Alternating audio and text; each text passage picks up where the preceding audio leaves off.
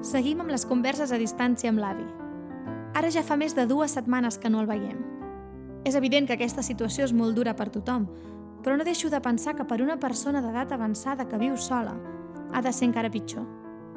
A dia d'avui, després de tres setmanes d'haver escoltat la seva pròpia història, cada vegada que parlem encara em diu com d'emocionat està i em repeteix «És que t'expliques molt bé, nena. És que ho feu molt maco». I la meva frase preferida «És ben bé que sou artistes». L'avi és un seguidor fidel meu i de tots els meus espectacles. És un bon crític, també. Un dia al vespre, tard, asseguts al sofà em va dir «Què? A sopar i a dormir ja?» Jo li vaig respondre que no, que encara havia d'anar a fer un assaig de dues hores i que portava tot el dia fora de casa, que havia vingut un moment només a buscar una carpeta que m'havia deixat i que estava cansada. És molt difícil aquesta vida d'artista, nena. A mi m'ho explica el Paco, que es veu que la seva neboda també es dedica a tot això dels espectacles.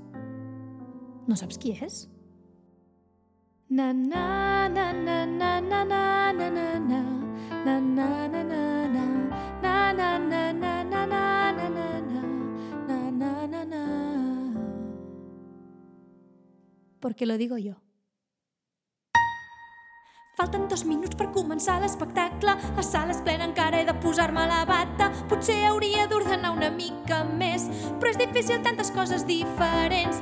Va maquilla't una mica i surt corrents. T'esperen molt contents. Un minut i mig per començar l'espectacle. Crec que avui només em posaré la corbata. Mira-la, què hi feia sota el radiador? Corre, va, vesteix, t'agafa el mocador. Em poso el nas vermell i escolto l'emoció. Enrere i em veig. El meu somni és aquest moment. Ha estat dur ser aprenent.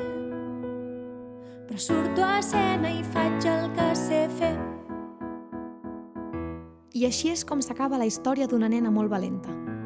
La història d'una nena alegre que sempre va saber el que volia ser de gran, d'una nena amb somnis que es desdibuixaven entre les seves mans. La història d'una nena que podria ser tu, o tu, o la teva mare, o la teva àvia, o fins i tot jo mateixa. La sala era plena de gent, molt plena. Ella només veia sabates negres, sabates i mitges negres, i pantalons i faldilles, negres també. No arribava molt més amunt la seva mirada. Potser tampoc li hagués agradat veure el que hi havia més amunt. Potser tampoc la van deixar mirar més amunt. Ella sabia que alguna cosa no era igual, però només veia sabates negres i ningú li explicava res més. La van portar a casa d'una amiga seva fins que tot es va posar una mica més al seu lloc. Papà se ha ido al cielo. L'Anna tenia 7 anys quan va morir el seu pare, i aquest és un dels seus primers records d'infància. Aquell dolor, aquells plors. La mort del seu pare, la mort del seu estimadíssim pare, va ser una mort molt traumàtica i dramàtica. Ningú va saber per què va passar, però va passar i no es podia mirar enrere. La vida li va ensenyar l'Anna de ben petita que hauria de lluitar, que hauria de guanyar batalles i perdre guerres, però sobretot que no es podria rendir mai. I amb només 7 anys, aquella batalla, la mort del seu pare, va ser la primera que va haver de viure. La primera que va haver de sobreviure. L'Anna era una nena inquieta, divertida i ditxaratxera, com diuen Andalusia, la terra dels seus pares. Era la petita de quatre germanes. De ben petita era tota una artista. Amb només 8 anys pujava als escenaris a ballar com la ballarina que sempre somiava ser. Jo soy artista, mamà, perquè hago bolos. I no és pas mentida el que ella deia. És que se n'anava amb el grup de música del seu poble a fer actuacions al casal dels avis o bé per festa major. Durant molts anys, ella va ser la salvació d'aquella família trencada per la mort traumàtica del seu pare. Ella era l'alegria personificada. Ella era la vida que la mateixa vida els hi havia pres. Que baile la niña! I ella, feliç, pujava dalt de la cadira que li feia d'escenari i somiava. Sentia que era el bufó de la seva família i no sabia molt bé el per què, però en el fons ja li estava bé. Estava ajudant a la seva família que desconnectava del dolor i connectaven a través d'ella amb la vida, amb el somriure. Però d'això ella no n'era conscient perquè només tenia 8 anys. Quina sort hauria tingut aquella nena si hagués pogut adonar-se'n de la felicitat que estava portant a tota la seva família. I quina sort hauria tingut si tota la seva família se n'hagués adonat de que aquella nena alegre, somiadora i feliç que ballava tot el dia, també necessitava ajuda, perquè ella també havia perdut el seu pare. ¿Por qué a mi nadie me mira? A l'Anna li encantava jugar amb el seu pare al camp. Quan ell tornava de treballar a la mina, l'Anna ja l'estava esperant per jugar a cavalls. Ella s'enfilava sobre la seva esquena fent un bon salt i li deia «Corre, corre, caballo, llévame allí donde solo se llega volando!» I el seu pare saltava per intentar tocar el cel una vegada i una altra i una altra, però sempre acabaven tots dos al terra amb un atac de riure. Al final, però, el seu pare sempre li deia que ell no tenia ales, que no podia volar, que allà on s'hi arriba volant només s'hi va quan marxes i no tornes. ¿Y allí es donde se cumplen los deseos que pido en mi cumpleaños, papá? No, li deia ell. Los deseos se cumplen en vida, hija. Quan va morir el seu pare, van marxar a viure a la ciutat i ja no va jugar mai més a cavalls que intenten arribar allà on només s'hi arriba volant, perquè el seu pare ja hi havia arribat i ella sabia que allà s'hi va quan marxes i no tornes. L'Anna, però, també sabia que els desitjos que ella demanava es complien en vida i per això va seguir fent el que ella sempre havia somiat. A l'escola, l'Anna no havia sigut mai una nena sobresaliente, que dirien a la seva època, però era sens dubte algun la directora de totes les festes que s'hi organitzaven. La Carrasco que prepare unos bailes. I ella, igual que quan pujava dalt de la cadira a ballar, organitzava una festa a l'escola de les que no s'hi feien mai. S'inventava una coreografia i l'ensenyava tota l'escola. L'Anna era feliç quan de sobte girava i mirava enrere i veia tota l'escola, des dels més petits fins als més grans, ballant, ballant i somrient, ballant allò que ell havia imaginat allò que ell havia creat. El dia de l'aniversari del director va crear un espectacle inspirat en Brasil. Ella, evidentment, no havia anat mai a Brasil, però li encantava la música brasilenya i veia per la televisió els carnavals. Aquella música també la feia viatjar. Li encantava moure's i somiar que estava en una d'aquelles rues carnavaleres que tan prohibides estaven aquí. L'Anna va aconseguir que tots els nens i nenes de la seva escola es construïssin unes maraques amb un pot i unes quantes llenties a dins i que es decorés al pati de l'escola amb cintes dels colors de la bandera de Brasil. L'Anna va acabar els estudis a vuitè i l'últim dia va anar a recollir les notes. Puede cursar cualquier tipo de estudios, pero tiene gran facilidad por el arte dramático. ¿Arte dramático? Arte dramático. Mamá, quiero estudiar arte dramático.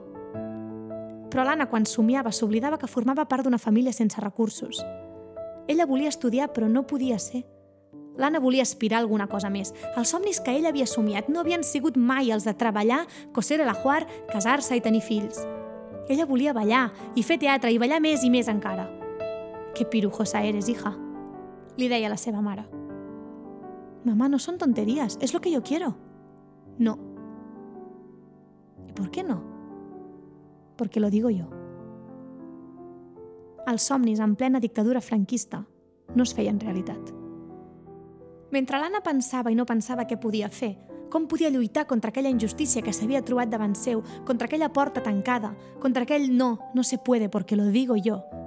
Sense ni tan sols adonar-se'n, es va trobar vestida amb una bata de color blau elèctric, fent cua en una fila inacabable de gent a punt per fitxar.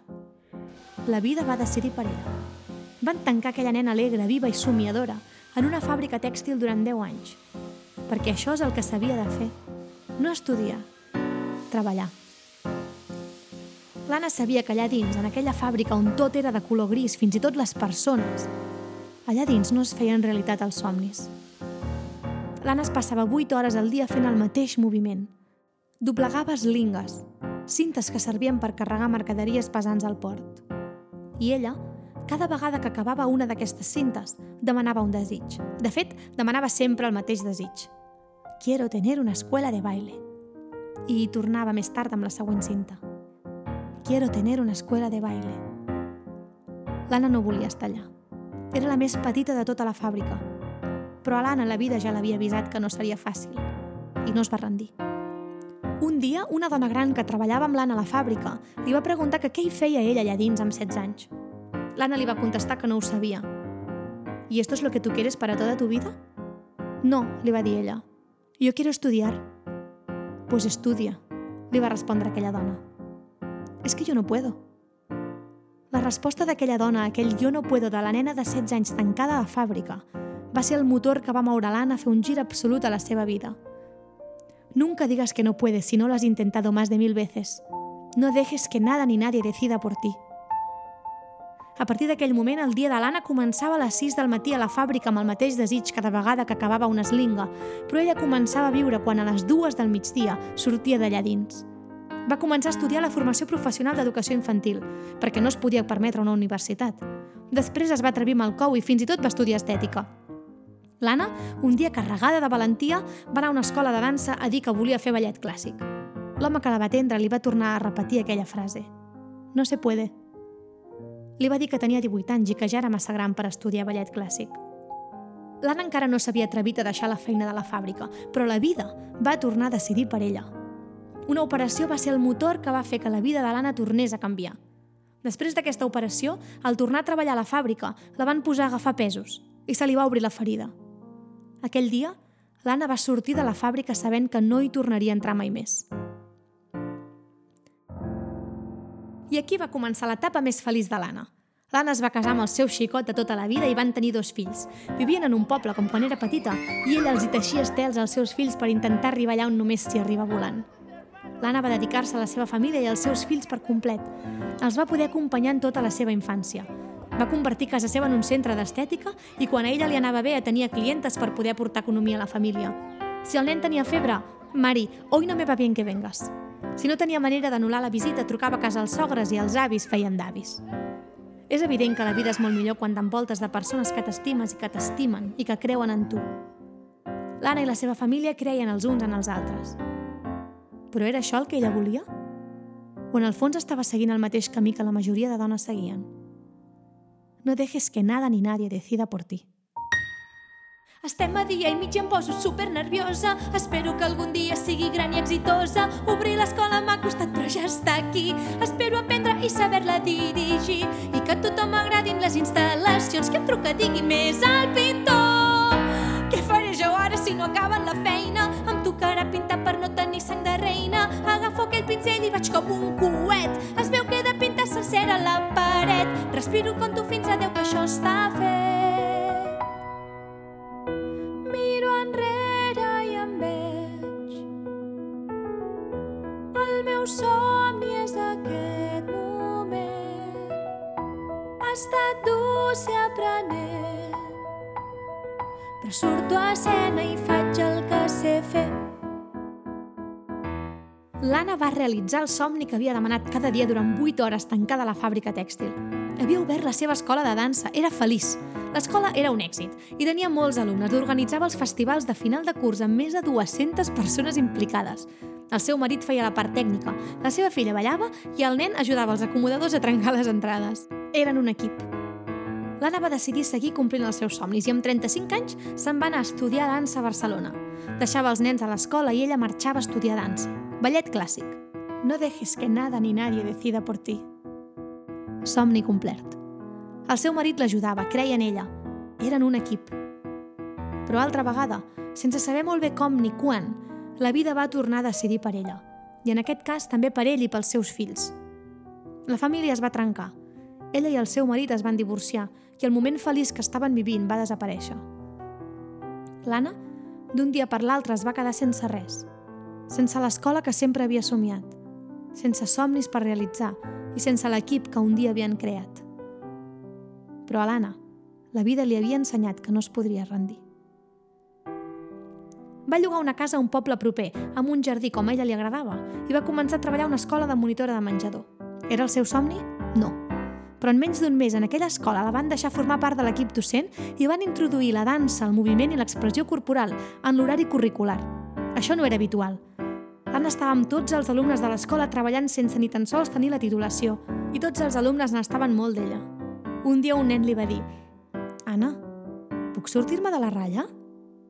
L'Anna s'atrevia a fer coses diferents. Clar que sí, li va dir ella. L'Anna es va formar en art teràpia. Era feliç. Però la vida altra vegada va tornar a interposar-se i es va trobar als 50 anys al carrer i sense feina. Va haver de deixar la casa amb el jardí per anar a viure a la casa on havia viscut de petita. Ella no volia estar allà.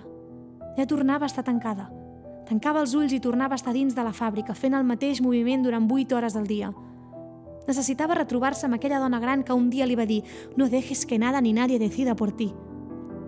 El seu fill, que ja no vivia amb ella, Va arribar un dia a casa seva i cansat de veure-la sempre asseguda al sofà sense cap aspiració, cansat de veure que la seva mare no era la mare que l'havia criat, que els seus somnis s'havien apagat, li va dir «Mentrestant tu estàs aquí estirada al sofà, hi ha gent que està fent el que tu tens talent per fer». S'havia repetit la mateixa història que quan tenia 16 anys ja estava a la fàbrica. La vida li havia ensenyat que no es podia rendir i no ho va fer. De sobte l'Anna va tancar els ulls i va somriure va retrobar-se amb aquella nena petita i, i es preguntava on havia quedat aquella nena inquieta, divertida i ditxaratxera. On havia quedat tot allò? En quin moment del camí s'havia perdut? L'Anna es va adonar que aquella nena havia nascut amb un drama i havia viscut tota la vida per sobreviure al seu propi drama. La seva pròpia alegria l'havia salvat. El seu sentit de l'humor era el que l'havia fet sobreviure tot allò. I l'Anna no es va rendir, perquè ja sabia com s'havia de fer per tornar a començar. Ara fa un any, l'Anna, a petició d'una nena de 5 anys, va entrar a una habitació d'hospital d'oncologia infantil. L'Anna estava en xoc absolut. Què podia fer ella per aquella nena de 5 anys que estava vivint els últims dies de la seva vida tancada en una habitació d'hospital? Aleshores va pensar en aquella nena petita que pujava a l'esquena del seu pare per volar, que pujava a ballar dalt de la cadira i a dalt de l'escenari, aquella nena que demanava un desig cada vegada que acabava una cinta, aquella nena que va arribar a complir els seus somnis, aquella nena alegre i feliç. I va somriure. Va entrar al lavabo de l'habitació i es va convertir en la Claudina, amb la bata de la seva mare de topos andalusos, la cinta de flors al cabell i el nas vermell, sobretot el nas vermell. La Claudina no parla, i la nena ja ho sabia, perquè ja la coneixia. Feia tres anys que aquella nena feia sessions d'art teràpia amb l'Anna i a vegades amb la Claudina. I la Claudina va fer somriure la petita va compartir els últims moments de vida amb aquella nena que estava a punt de marxar allà on només s'hi arriba volant.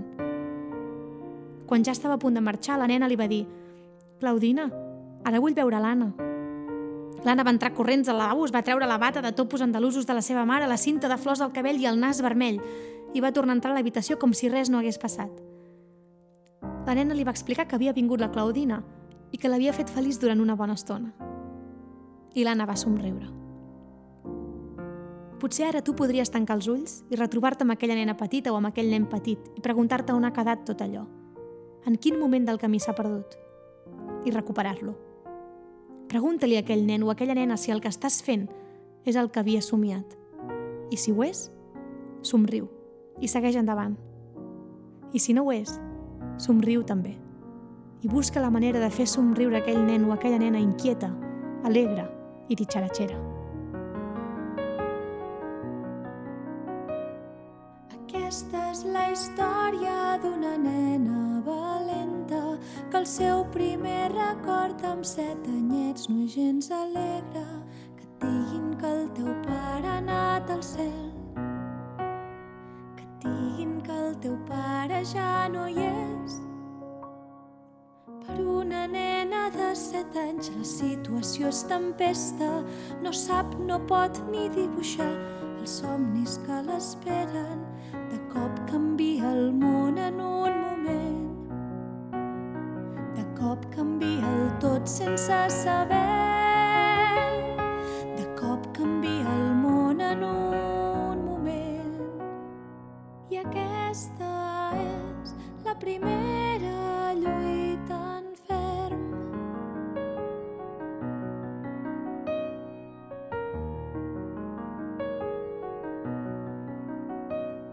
De quatre fou la més petita, sempre amb un somriure.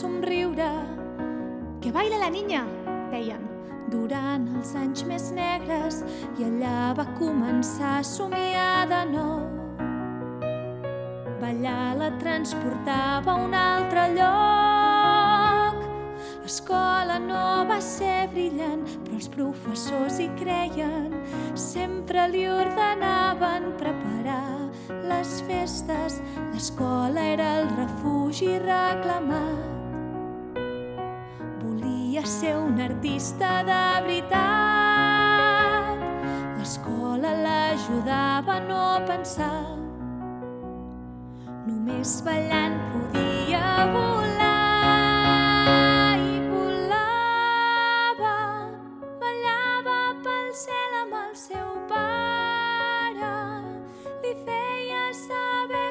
l'estimava ballant el va poder